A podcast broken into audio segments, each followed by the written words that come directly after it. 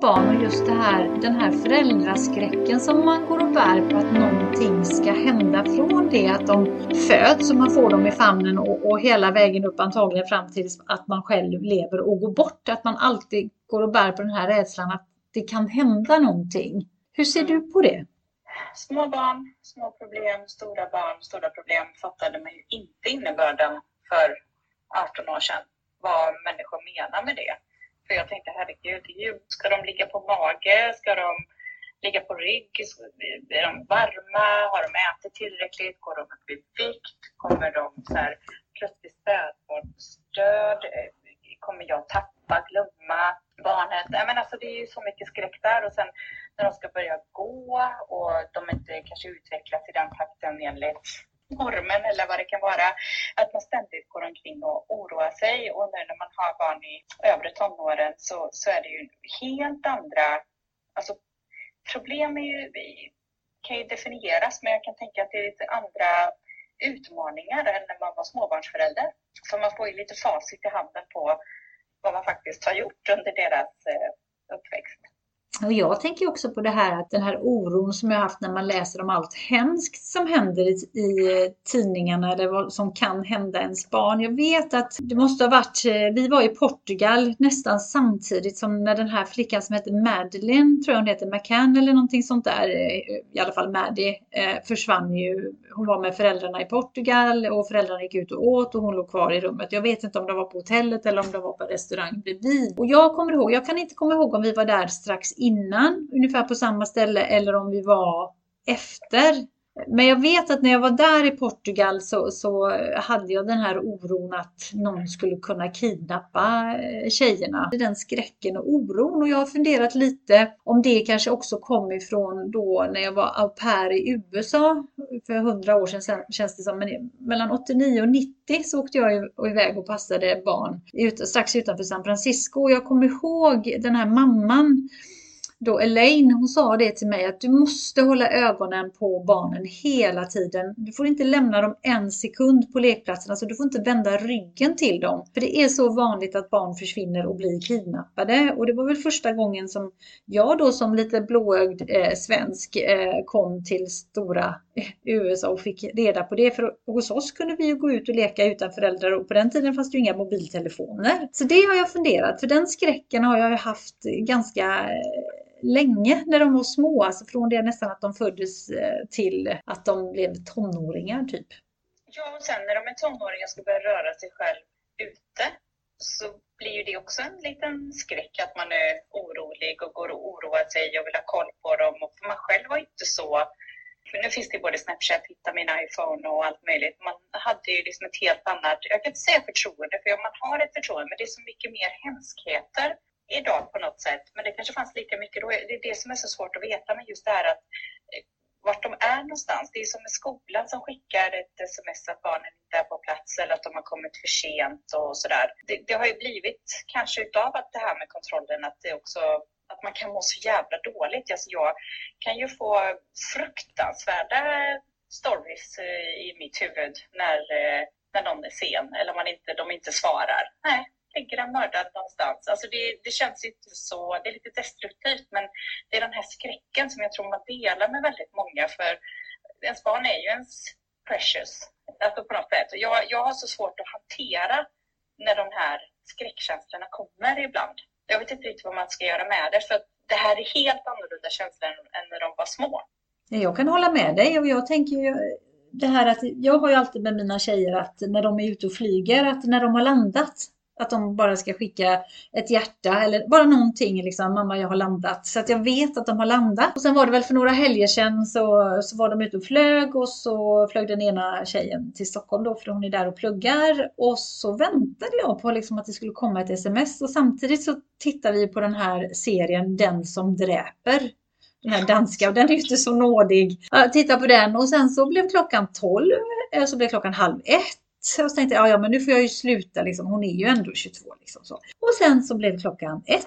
Jag tror jag vaknade två, jag vaknade tre och jag tänkte så här, nu måste jag sluta. Men precis som du säger, man får nästan som en ångestattack. Liksom man svettas och Mm. man håller på och tänker massa konstiga saker. Och tänkte så här, men hon är hemma. Sen på morgonen klockan sju kunde jag inte hålla mig. Skicka ett litet sms. Hej hjärtat, det är mamma. Kan inte du bara Eh, skicka ett hjärta när du har vaknat så jag vet att du är hemma ordentligt. Och Jag kände mig så dum och sen fick jag ett sms här vid nio. Jag är hemma. Ja, men precis. Och, och det är ju inte att man inte, alltså att man inte misstror dem, eller alltså de är ju vuxna på så sätt. Men just den här skräcken av att, att man tror att det värsta kan hända hela tiden. Ungefär som när man gick och kollade att barnet andades. Nu ska vi träna och ligga på mage och får inte upp huvudet kanske, liksom de Frida på huvudet. Och, nej, men det- det är så mycket skräck. Eller i skolan, hur kommer det gå för dem? Blir de mobbade? Är de skötsamma? Är de mobbare?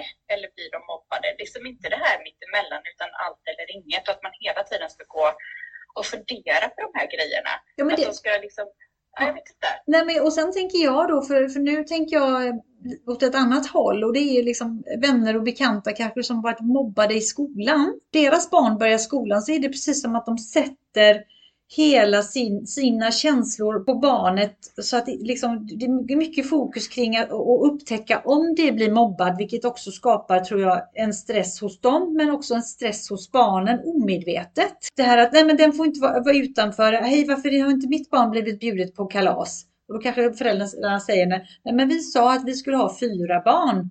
Och nu är det så att majoriteten av klassen kunde vi inte bjuda utan den fick välja ut tre kompisar så att det blev fyra barn på detta kalaset. Men det kanske är ett dumt exempel, men att man hela tiden sätter liksom sina känslor på hur det var när man själv växte upp och så sätter man man uppmärksammar hela Man tiden. projicerar. Ja, precis. Och, och det, det, blir också så himla fel, eh, tycker jag, när, när, som att om man gör någonting att det barnet inte ska vara utanför, vilket det inte är, fast föräldrarna inte ser det, eller föräldern i detta fallet då kanske, inte ser det för att den är, är så uppe i sig själv och de känslorna som den hade då. Det är ju liksom den personens föräldraskräck liksom. Ja, men precis. Och så pratar man med någon annan så får man en ny idé. Jaha, ska man hålla koll på det här också?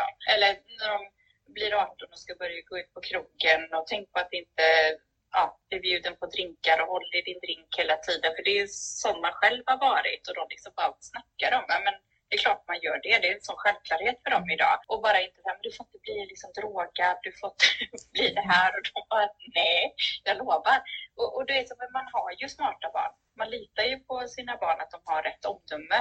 Men, men ändå så händer ju saker. Och det, det är ju det, att all information man får gör ju liksom att man bara Nej, jag, ibland jag, jag vet inte vad jag ska ta vägen för det blir så en jävla ångest. Jag tänker då eh, också tillbaka i tiden igen här då med min äldsta dotter.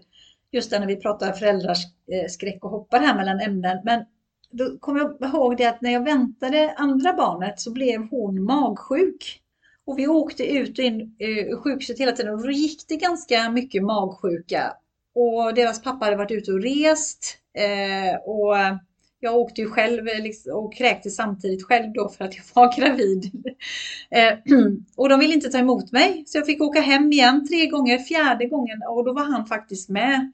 Så sa jag till honom att jag åker inte hem nu. De, de måste ta in henne. Jag åker inte hem. Jag, får, jag har matat henne med matsked med vatten. Hon bara kräks. Jag får inte någon kontakt med henne. Och då var hon inte gammal för då var hon kanske åtta månader eller någonting sånt där. Vi kommer in eh, på sjukhuset och jag sa det, men, men vi åker inte hem. De bara, men ni måste åka. Nej, vi åker inte hem. Alltså jag stod verkligen på mig. Jag var vansinnig. Jag stod nästan och skrek där i korridoren. Jag kommer ihåg detta så tydligt. Och vi var där, jag tror vi kom in vid tio. Eh, hon blev inlagd kanske åtta, halv nio på kvällen och fick dropp. De bara, ah, ja hon är lite uttorkad men som jag får inte någon kontakt med henne. Ser ni inte? Jag får inte kontakt. Jag var alltså helt hysterisk. Eh, så gav de henne dropp och så låg hon inne då och sen eh, låg jag med henne i sängen och kramade henne och höll henne jättehårt. Jag var helt supernojig. Och sen på morgonen vaknade hon och så tittade hon på mig och så gav hon mig en släng slängkyss liksom.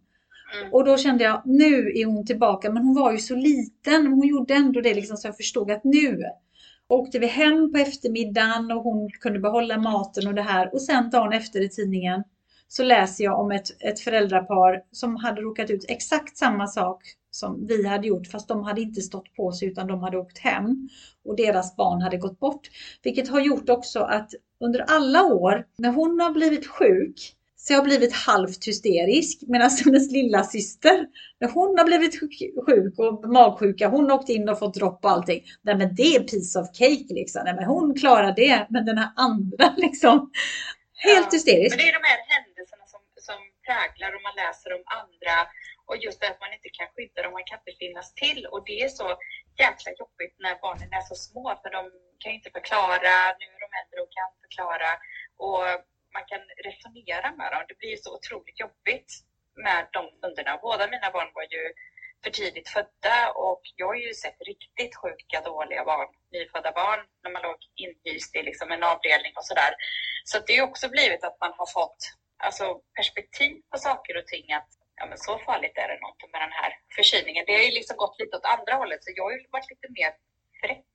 Även om man inte har varit superfräck så har det ändå varit, ja ja, så länge liksom barnet låter lite ibland så gör det inget. Tysta barn, det är inte bra. Lite så, som du beskrev att de får ingen kontakt och sådär. Och det gäller att stå på sig. Men det är också så här att som, som förälder, att det handlar ju också om det här som du nämnde om kalas och, och gå. Man vill att ens barn ska vara med och kunna förklara det för barnet att men det är alla blir inte inbjudna. För det blir ju så dumt när det är ett tag liksom att ja, ska man ha en inbjudan måste man bjuda alla. Då bestämde liksom förskolan det helt plötsligt och föräldrarna hade inget att säga till om det och man kanske inte hade ekonomisk möjlighet eller någonting men alltid för att det ska inkluderas och nu har vi hamnat lite i det här att man är en och ensam här istället. Så det går ju liksom i olika cykler och det är så svårt att, att hinna med för man har sin egen uppväxt och, och, och liksom blicka tillbaka till och den som man har barn med och vad den haft för erfarenheter. Så det blir det är så jäkla jobbigt med den här skräcken hela tiden, eller ångesten som, som blir med, med barn. Och, och jag vet att många kan ju må skitdåligt och fått liksom ta ångestmedicin av mina vänner för att det har blivit så jobbigt med de här tankarna. Ja, jag, med barnen. jag förstår det. Jag kommer ihåg när mina tjejer var i, i tonåren och, och då hade jag då var jag ensamstående och hade ingen bil där ett tag. Vilket, och, det, och min äldsta dotter och jag, jag kunde ju inte åka och hämta henne någonstans om det, om det hände någonting. Så att det var jättejobbigt. Hon fick ju gå eller ta sig eller cykla de gångerna hon var hos, hos mig. Liksom. Och eh, sen också även när hon var hos eh, sin pappa så eh, har jag ju förstått i efterhand att hon har ändå fått ta bussen eller gå hem på, på, mm.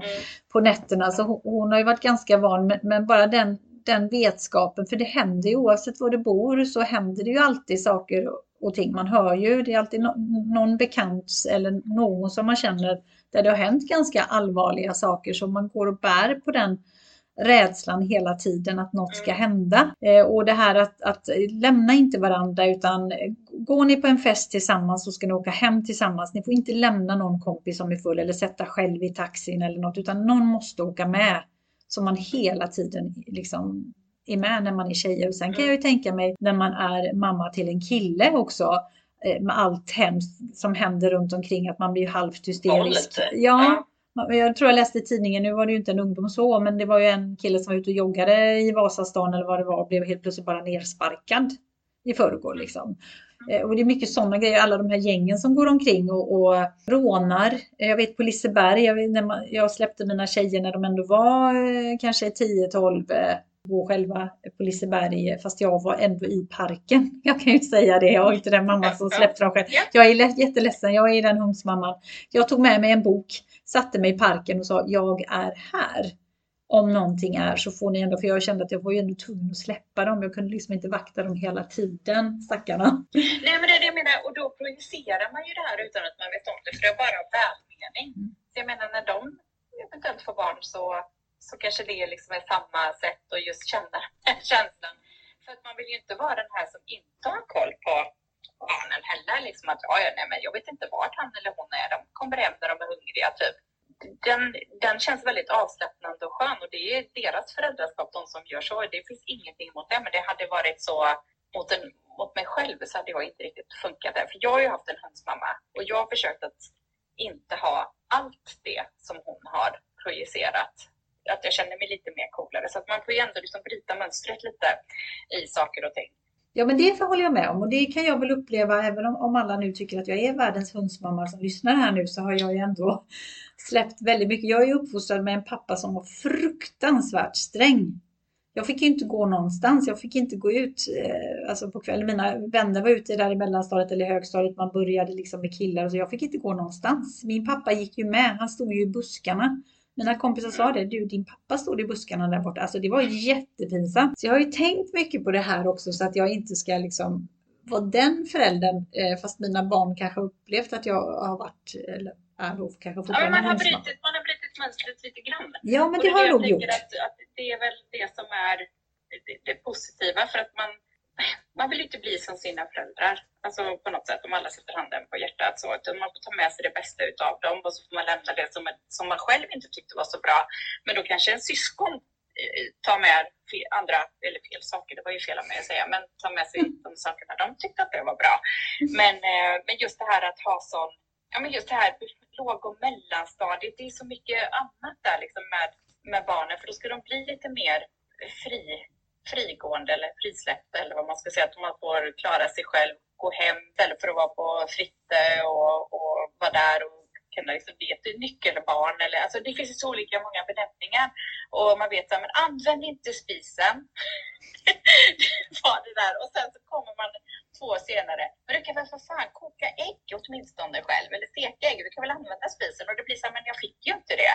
Så det, det är ju det här att ha liksom ett förtroende för kidsen på, på något sätt, vilket gör att man själv Ja, men det är skräckscenarion. De har brunnit ner eller de har bränt sig eller de ska testa så här smällare och man bara gud nu får jag tappa både ögon och fingrar liksom. Och allt sånt där. Men det är de här grejerna som de lär sig. Klättra inte upp för högt i ett träd. Och det är klart att de klättrar högt upp i ett träd. Och man kan ju inte gå och vara så jäkla orolig hela tiden. Det är det som är så jobbigt. Men jag, det har bara funnits där. Jag har svårt att ge tips om hur man ska göra det. Men små barn, små problem. Har ni småbarn, lyssna på det här så kommer det bli hundra resor värre. För det är helt andra problem när de blir äldre som man måste hantera med dem. Ja, verkligen. Och jag tänker också det här med, jag som har tjejer då återigen, det här med ätstörningar till exempel. Eh, där har de ju haft eh, vänner som har haft eh, och jag har haft en tjej som varit inne och tangerat på det själv. Det, alltså helt hysterisk blir man ju eh, och håller koll på och där undrar man ju också vad har, vad har jag signalerat då som förälder för att barnet, det här beteendet eh, sen vet ju jag idag att det handlar mycket om att eh, när man tappar kontrollen, att det är ett sätt att kontrollera, att man har någonting att kontrollera. Men det går så mycket tankar i en och just det här att eh, rädsla, återigen, nu kommer jag in på sjukdomar och så här att när man hör runt omkring när barn blir sjuka och så tänker jag så här, gud vad tacksam jag är att, att jag har friska barn eller så länge de är friska. För det, det är ju så, ingen förälder ska ju överleva sitt barn. Det Mm. Det är fruktansvärt. Men jag hade ju en period när barnen kanske var 9-10 någonstans där, där jag läste väldigt mycket böcker om sjuka barn. För att jag ville förbereda mig om det skulle hända. Och de har varit friska och krya och allt sånt där. Men jag var tvungen liksom någonstans att förbereda mig själv i detta. För jag hade sån ångest att de skulle bli sjuka eller gå bort eller dö. Eller så. Och den, den har slipats bort alltså den, den värsta känslan, den finns ju kvar när man inte känner att man har kontrollen, eller vad man ska kalla det, på vart de är eller någonting. Då finns det en helt annan oro att de ska försvinna.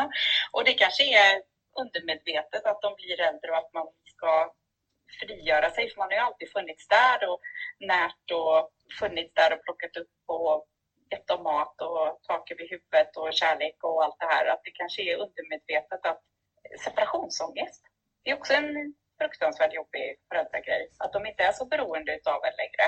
Ja, men det är det. Och när de flyttade, flyttade hemifrån, när första barnet grät jag, Floden, hon valde när hon gick i gymnasiet att hon ville bo mer hos sin pappa. Eh, och jag kände väl att, men vad roligt, för hon har bott mer hos mig och alltid tytt sig mycket till mig. Och då förstod jag när jag pratade med vänner och bekanta och så här att nej, men hon, nu klipper hon navelsträngen, hon behöver det för hon har varit så tajt med dig. Och det blev ju en jättesorg för att hon inte... Eh, så, så, att, så då bearbetade jag det. Men då hade jag ju fortfarande den andra tjejen kvar hemma eh, några år till. Och då när hon flyttade till London för, för, några år sedan och då skulle börja plugga. Ja, det var så svårt. Jag grät. Jag, jag åkte med taxin till henne till skolan. Hon tittade på mig och jag började redan där. Och jag kom in till skolan, grät hela vägen in. Och till slut så sa jag gråtandes, ja, jag vet att jag är en pinsam mamma nu, men, men, men jag kramar dig. Jag går nu. Jag går. Så jag går ut från skolan och bara bölar. Då kommer en pappa med sin son, tittar på mig och ler liksom. Ja, jag förstår hur det känns. Så jag satte mig i bilen, grät hela kvällen och jag tänkte så här, men vad löjlig jag är. Och, och, ja, det var som att det var liksom slutet på, på en era, eller vad ska jag säga. Och sen när jag kom hem så var jag och min man ute och handlade livsmedel, eh, mat och då, då skulle jag ta ett paket Bregott och inser att jag behöver inte köpa den stora utan jag kan ta den lilla. Och då bröt jag ihop. Och då tittar han på mig mitt i mataffären och sa, vad händer nu? Jag bara, försvinn, gå, titta inte på mig, det går över. Och så tog jag det stora ändå och så sa vi har en liten till hemma. För jag har ju en bonusdotter som jag är fantastisk, som jag älskar jättemycket, som har kommit in i mitt liv. Eh, och jag var så, jag var så glad över att ha kvar henne liksom. För det är en jättesorg från att vara tillgänglig 24 timmar om dygnet till att slussas mindre, mindre, mindre till att äh, behövs jag inte mer. Nej men precis och, och, det är ju lite det som, som blir det problematiska för någonstans vill man ju att de ska starta sitt liv och att de ska liksom få göra allt det man inte hade gjort själv eller skulle ha gjort eh, i livet och att de har alla möjligheter och det preppar jag med hela tiden. Så jag brukar skoja lite med, med dottern som jag tror kommer flytta först för att hon är men man vet ju aldrig att eh, ska du flytta, du flytta till lägenheten bredvid eller porten bredvid, det får inte vara så långt bort och då himlar hon med ögonen. Men det är lite så här, lite sant i det att du får inte försvinna för långt bort. Man bara, jag vill nog plugga utomlands typ. Eh, alltså, man bara, självklart ska du göra det. Australien? nej, nej, det ska du inte. Men ändå så vill man ju ändå, för man hör ju också det många som har utflugna barn, liksom, att det blir ett helt annat levnadssätt och man får då hand om sig själv. Så det är ju det man går och saknar ibland. Eller som många par och sånt, man ska ha sin egen tid och allt det där. Plötsligt har man så jäkla mycket tid och känner att man inte är behövd. Vem är jag nu? Vad ska jag göra med allt det här? Och sen skräcken att de skaffar barn för tidigt har jag. Utan mer lev, gör detta, ha det så kul.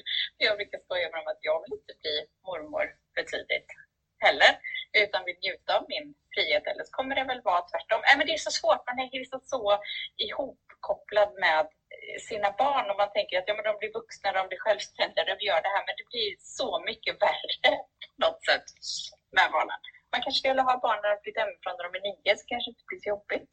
Kanske, det hade nog inte varit så dumt. Nej, men just den här oron, alltså det är, eh, det är fruktansvärt jobbigt. Jag har verkligen inga tips, utan det här låter kanske mer hysteriskt när du och jag sitter och pratar här om våra känslor. Men jag tror att det kan vara kanske höra från sina nära och kära eh, vänner hur de har gjort eller hur de har upplevt det. Eh, för jag tycker inte att man pratar jättemycket om hur orolig man är, för det är någonting man bara är. Men också kanske kan lyfta det med någon annan som kanske har ett tips om hur man ska tänka i det hela. Ja, och jag vill bara säga att du är inte ensam.